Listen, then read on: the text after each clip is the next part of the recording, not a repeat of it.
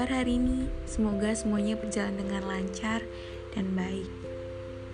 Nah, selamat datang ya di podcastku.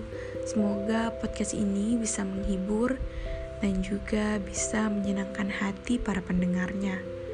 Tujuan lain podcast ini diciptakan salah satunya adalah agar aku bisa mengapresiasi diriku sendiri dikala aku down, dikala aku lagi sedih-sedihnya aku bisa tetap nulis dan bercerita di podcast ini.